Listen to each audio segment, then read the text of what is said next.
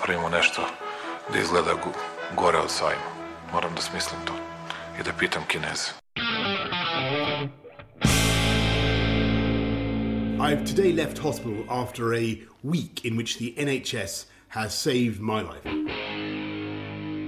Ne mogu da verujem da narod koji je preživao sankcije, bombardovanje, svakojako maltretiranje će se uplašiti najsmešnijeg virusa u istoriji čovečanstva koji na Facebooku postoji. And now I'm better and maybe I'm immune, I don't know. Dobro večer. Mene su poslali iz štaba. Ja ću vam pomoći. Aleksandar Kocić Jelena Viser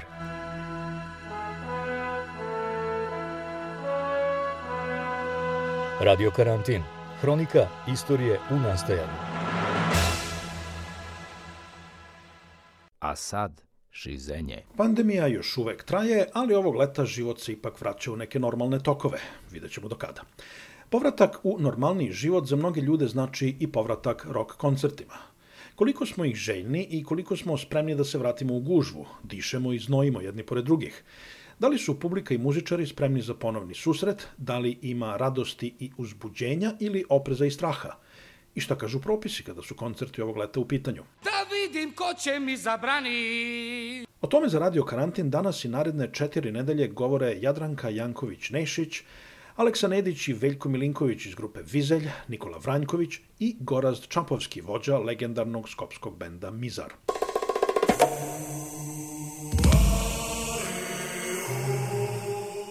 Jadranka Janković-Nešić je poznati beogradski PR za koncerte, novinar i DJ. Kao PR radila je neke od najvećih koncerata u Srbiji, kao što su ACDC ili Metallica, odnosno festivale poput Beer Festa ili Zaječarske gitarijade. Pitao sam Jadranku kako će izgledati letnja koncertna sezona u Srbiji. Krenulo se dosta optimistično sad kako je došlo leto i kako je došao jun. Bilo da su koncerti mada manji u zatvorenom ili otvorenom prostoru. Dom sindikata koji se sad moderno zove ovaj Kombank Dorana je krenula sa serijom koncerata nakon prekida. Verovatno se propratio onaj ceo haos kad je bila crvena jabuka pa su zabranili sve koncerte koji su bili zakazani.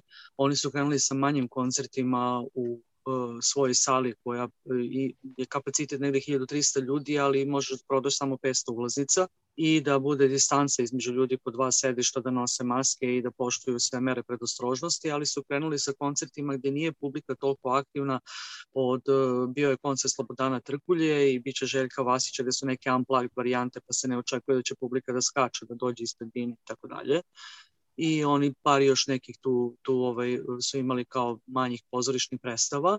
A što se festivala tiče, očigledno se to udruženje uh, zajedno sa, sa vladom Srbije dogovorilo da krenu sa uh, festivalima i faktički čekamo da vidimo kao verovatno i cela muzička industrija i na zapadu da li uh, će ljudi biti slobodni ponovo da uđe u masu, da li će uopšte postojati fan pit kao kategorija ulaznica ako se hipotetički budu, mislim, prodaju se i koliko je cela ova pandemija ostavila u stvari uticaj ili, ili negativan ono uticaj na, na fanove. S jedne strane možda očekuješ sindrom da će ljudi jedva hteti posle godinu i po dana nemanja koncerata da pohrle i da budu tu, pogotovo da će imati, preposledam, tu neko rasterećeno što su to festivali na otvorenom.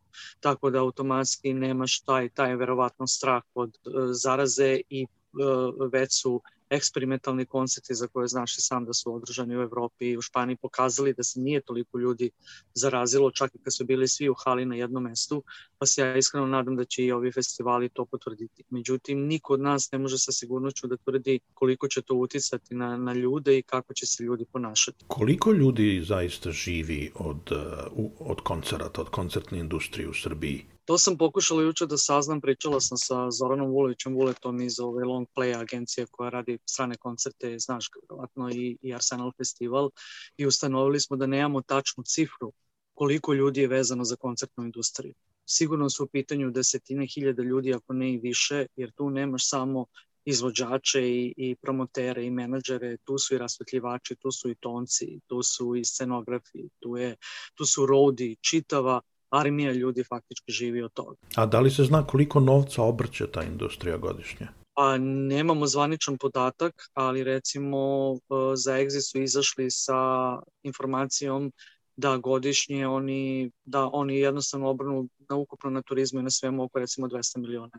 I glavni problem je u tome što ti faktički nemaš udruženja svih tih ljudi koji se bave. Znači jedna ekipa koja je potrebna da odradi koncert, e, nisu svi u nekim udruženjima.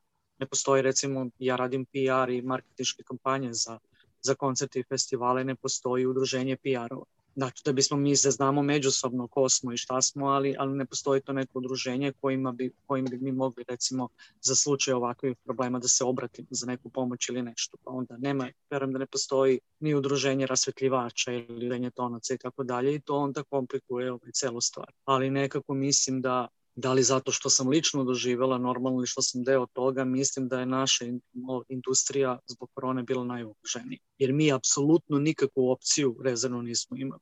Samo je sve bilo zabranjeno i to je to. Da li je država pomogla na bilo koji način? Pa sad, da, da po, po meni nije. Mislim, kako bih ti rekla, prosto svako priča lepo o svojoj državi, državi u kojoj živi, ali neka konkretna pomoć mislim da je izostala mi smo se udružili, ja sam i član udruženja promotera, takozvani UPTAS i udružili smo se, nekoliko udruženja se tu spojilo i imali smo dva predstavnika, Mišu Reljića iz Bite Park Cafea i Zorana Vulovića iz Long Playa. Oni su više puta išli na sastanke, pokušavali da objasni i tako dalje, ali neke konkretne, direktne pomoći nije bilo. Jadranka Janković-Nešić. Kompletan razgovor sa njom objavit ćemo kao bonus podcast 7. jula. Vodiđi, daj mi skant, gledaj kako rolam sad. Smola kaplje, sinđa kao kiša, opet sam na duvan. Daj mi gledaj kako rolam sad. Smola kaplje, kao kiša,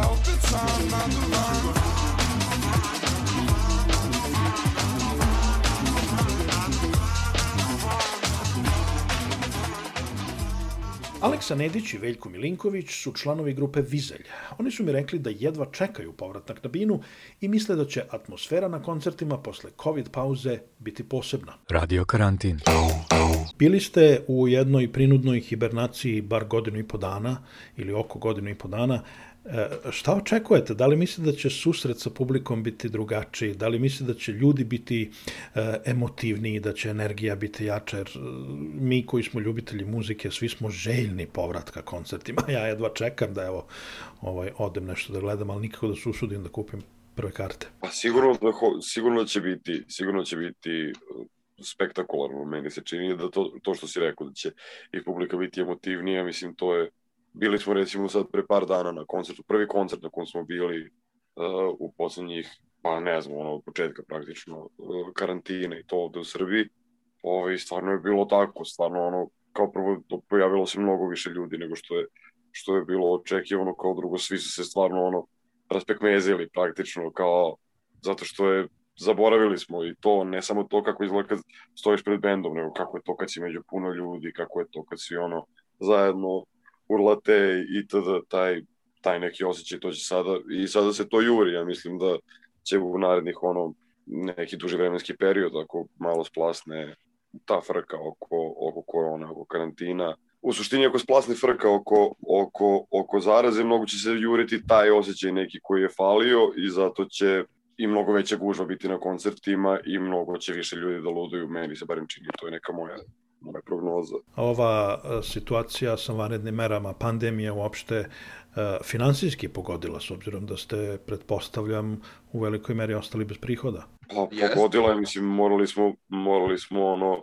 baš da se pocijemo i da se snađemo kako ćemo sad, šta ćemo sada, mislim, prihodi od benda i pre toga nisu bili dovoljni da se mi kao izdržavamo potpuno, ali su bili značajni, mislim, kao toliko da, mislim, bili su, eto, da kažem, bili su značajni, ali ne dovoljni za kao punu platu, ali to kad je nestalo, nestalo i dosta drugih stvari, ne znam, ja sam se recimo bavio uh, s vremena na vreme i kao, radio sam kao tonac na par mesta, a i dosta stvari smo mi radili koje su vezane za neki live događaj, imamo i svoj festival i tako to. Ne znam, ja sam bio i konobar, dakle sve ove što smo, sve što smo radili bilo je vezano za taj neki deo života i to kad je nestalo, baš smo ostali ono kao, kao ud neko da nam je odsekao otprilike pa smo morali malo da se, da se snađemo i uspeli smo, mislim, neko na ovaj, neko na onaj način, ali svakako jeste to sakatilo jedan čitav deo veliki deo tog zanata.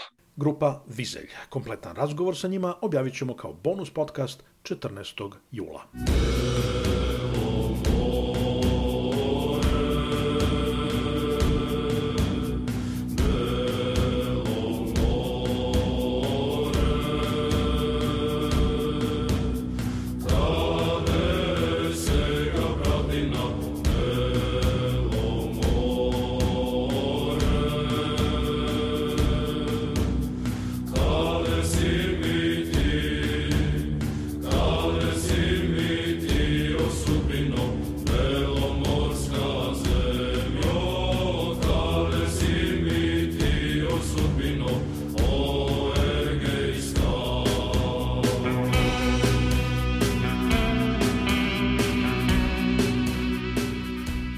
Gorazd Čapovski je vođa legendarnog skopskog benda Mizar, koji upravo snima novi album posle duže pauze. Gorazd je Jeleni Fisar rekao kako se i oni vraćaju koncertima i kako ih pandemija ne brine. Počet ćemo negde u juli, august, na nekoliko festivala i tako. Gde svirate prvo? Pa to ima i festivali, bit će to Alarm Fest, posle Dojran u Ohridu i tako. Onako festivali po više bendova. I je se radujete povratku na svirke? Kakav Pa je? dobro, mislim, ja i onako nisam svirao nekoliko godina, tako da mislim, bit će okej. Mislim, radujem se normalno. Pošto kapiram da su sad a, bendovi, ono, i bendovi publika jedva čekaju da, da se vrate jedni pred druge, pa pretpostavljam da neka nova vrsta uzbuđenja sad. Pa dobro je Jelena, mislim, u svakom slučaju dobro je to. Mislim, ono što je bilo ovaj lockdown nije baš nešto najbolje uticao na novanu muzičku industriju, znaš, sve je bilo zatvoreno prošlog, prošlog leta, ne nije se ni sviralo, sve je bilo, mislim, u svakom slučaju pozitivne vesti su to, za život uopšte. Pa da, a kaži mi jeste zabrinuti na neki način zbog ove pandemijske situacije, recimo i za svoju i za bezbednost publike? Pa nisam zabrinut, zašto bi bio zabrinut? Pa ne znam, evo sad se ljudi ponovo vraćaju, onako zbijaju se u, u te redove guste, jedni uz druge, ove, vraćaju se tom ponovnom um, razmenjivanju telesnih izlučevina, onako znoj, vriska i ostalo. Pa Pa, dobro, pa to je to, to je život, mislim. Pa vidjet ćemo, mislim, ako ima pandemije, ima, ako nema, nema, mislim. to, Vidiš da baš nije sasvim situacija jasna. Evo sad neki indijski stoji, pa ovo kod nas nema više, На пример у Македонија се уопште нема више корона. Има помал број, мислам, едно 5-6. Ал не знам, ситуација не е баш на, најасна, мислам. А шта ќе народ да ради? Мислам, то нормално кога идеш на концерт не можеш на 10 метра да бузаш. А кажи ми, тренутно сте у студију и снимате нови албум. А, да, после 10 години. Мизери е до сада имао pet ukazanja. Je li ovaj album sad neko novo ukazanje ili je nastavak tog petog? Pa, to je peti, pa, peti pevač u suštini. Samo se pevači menjali. To je to. Nova postava u svakom slučaju, nov, nov drama, nov bas play, basista, sve imamo. No, nova postava je skroz. Prethodno je bilo pre 10 godina sa horom Harmosini. To je bilo sasvim drugi koncert. Muzika koju ti band pravite je inače prilično mračna i na koji način je sad pandemija kao eto možda najdramatičniji događaj u novoj istoriji, čiji smo neposredni svedoci i učesnici, a, bila ispi, inspirativna ili možda potpuni saboter? Pa ne znam, mislim, prven, mislim, posle, pos, mislim, ne znam, ova pandemija na mene ništa nije uticala nešto posebno, mislim, iskreno. Novo, mislim, nova, nova stvar je u svakom slučaju u našem životu. Mi smo prošli mnoge strašne stvari, mislim, raspad Jugoslavije i takve stvari, razumeš, ovo je nešto, ipak nije bilo toliko strašno u svakom slučaju. Pa strašno u smislu neizvesnosti, o, te traume, Pa, pretpostavljam, na koje, na koje sad referiraš, to su u suštini bile sve veoma opipljive stvari. A ovo je na neki način, ono naročito u početku smo slušali o tom nekom nevidljivom neprijatelju a, s kojim sad treba da bijemo bitku o, i o kome apsolutno ništa ne znam. Pa u tom smislu... Propaganda se pokazala onako jača stvar u, u ovom slučaju. Strah, panika, znaš. Pa posle знаеш, да страв раđа насилје, па насилје може да, да створи светски рат. Мислим, све има ту нека повезаност у сваком случају. Pa si zabrinut? Нисам уопште зашто би било. Опет ако имамо локдаун, бише тешко, мислам, не е окей. Бише тешко сраѓа, мислам. Да. А као што видим, то нам следуе ову зиму, од октомбра. Бар тако, мислим. Неки кажа да бише крај, онда бише забринут, знаеш. Ипак деца, млади ви го нес, код куче седе и тако, знаеш. Nije baš to okej. A kaže mi, vaš prvi album a, Mizar a, smatra se jednim od a, najznačajnijih albuma jugoslovenske alternativne rock muzike. Evo i, i ja mogu da se odmah setim desetak prijatelja, a ubrojala bih i sebe u tu ekipu, um, koji Mizar drže na veoma posebnom mestu bendova koji su im veoma važni. Um, ja sam vas zadnji put slušala, mislim, 2005. u Srbiji. Um, koliko i gde se Mizar danas sluša na prostorima bivše Jugoslavije, a koliko je makedonski bend? Pa Mizar nije uopšte makedonski bend, Mizar je predse jugoslovenski bend. Sa jugoslovenskom idejom, da nije bilo Jugoslavije, ne bi ni postajalo Mizar. Jugoslavija kao posebna, kao najavangardna zemlja u istoriji čovečanstva, na primjer, која имала самоуправување, која имала посебно културно аутентично политику, ни исток ни запад, све најбоје од исток и запад. така што ми за Југословенски бенд во сваком случај. да не ви од Тито и Едвард не ви ни мизер постреја во сваком случај. така што воопшто не е македонски бенд, би се македонски бенд, ние сме ми македонци, само како етничка припадност. Goraz Čapovski iz grupe Mizar. Kompletnu verziju razgovora sa njim objavit ćemo 21. jula. Oh, yeah. Radio Karantin. Ako vam se dopada ovaj podcast, zamolit ću vas da nam ostavite ocenu ili komentar na platformi na kojoj ste nas našli.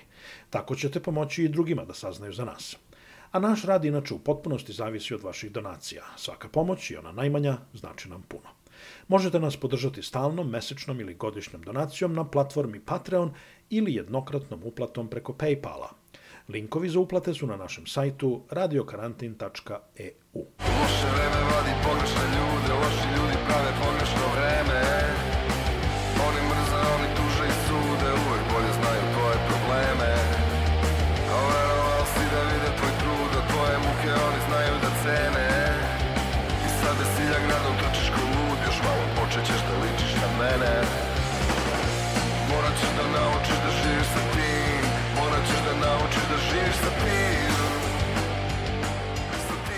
Nikola Vranjković, koga se sećamo i kao vođe benda Blockout, već se vratio na binu.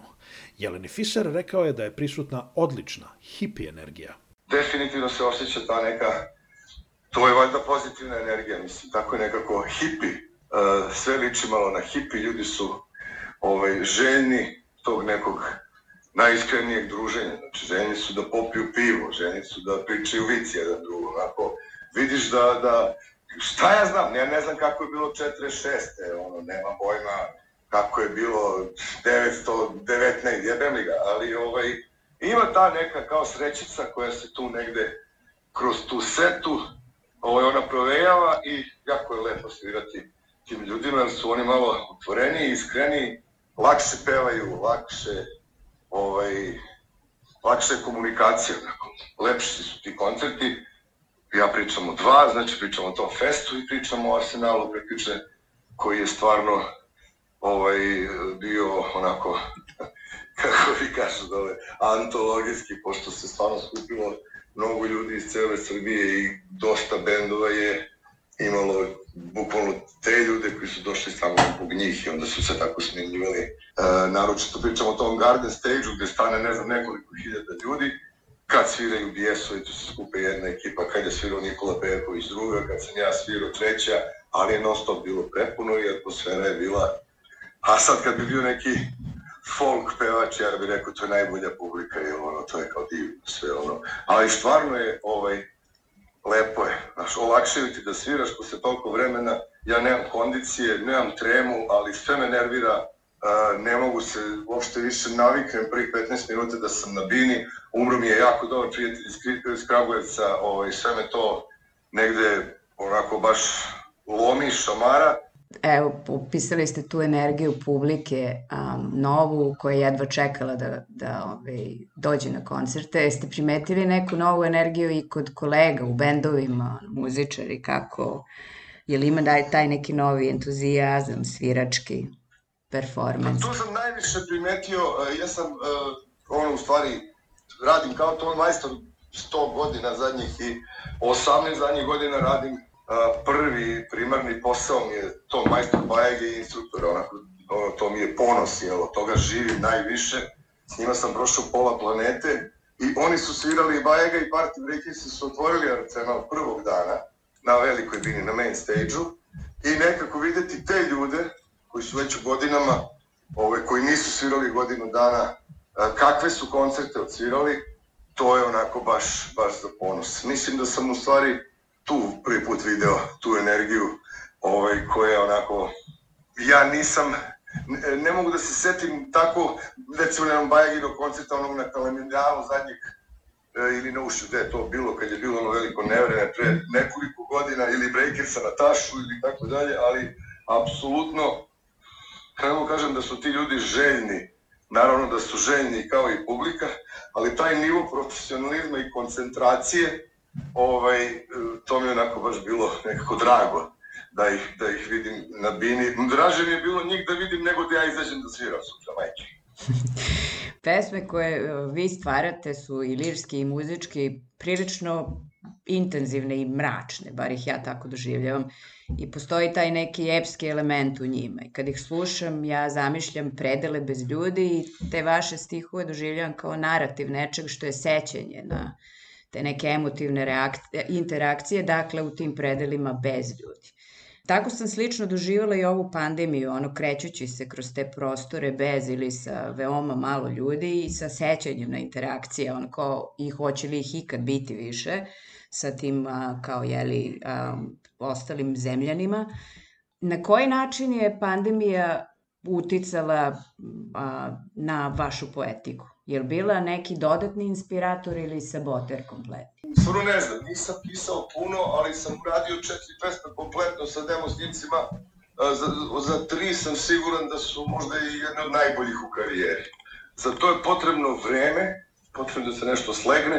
Pisao sam neke priče, priče sam pisao uglavnom po sećanjima iz nekih imao sam vremena pa sam pisao nekim stvarima, o baki sam pisao jednu priču, mislim, ono, čak i moj pokojni brat Srđan Đurić je u svojoj onoj zadnjoj knjizi Helikopter Bog Čaleta pisao o baki našoj i ovaj, ja sam napisao kao nastavak te neke njegove priče, jer nisam nikad imao vremena da pišem te neke kao porodične priče. I onda ja sad ne znam da li to kao pandemijska inspiracija, ili sam ja samo imao vremena i za te stvari. Bio sam dosta na placu, tako neke stvari, imao sam i malo sreće, jer dete mi je ono tri godine i onda sam to neko vreme e, dobio sam jedno svoje slobodno vreme da budem sa, sa čerkom i ovaj, dobio sam to upozorenje da oni jako brzo rastu i da prođe taj period kad su oni mali i onda onako sam gledao da svaki minut kradem od toga jer sam znao da kad se bude desilo da ponovo počne puno da se radi neću biti kod kuće. Jel? Tako da, mislim, neki ljudi su jako pametno ovaj, potrošili to vreme kojim se napravilo, drugi su opet ovaj, nastradali, ne svojom krivicom, treći su bili u sve vreme u nekoj letargiji. Ja sam bio jedno vreme zbunjen, a onda sam rešio da živim kao u šumi, kada jednostavno Znači u šumi možete lepo da živite, možete da idete u lov, možete da isečete drvo, napravite brvnaru, možete da pregradite potok, da napravite sebi da se kup. Sve to može i sve to moglo u toj pandemiji, jer u principu to je jedna onako kontrolisana divljina se već desila, jel? Nikola Vranjković u razgovoru za Radio Karantin. Kompletnu verziju razgovora sa njim slušajte 28. jula. Bio je ovo rokerski radio karantin. Slušajte nas, hvalite nas i delite nas. Čujemo se. Aleksandar Kocić Jelena Viser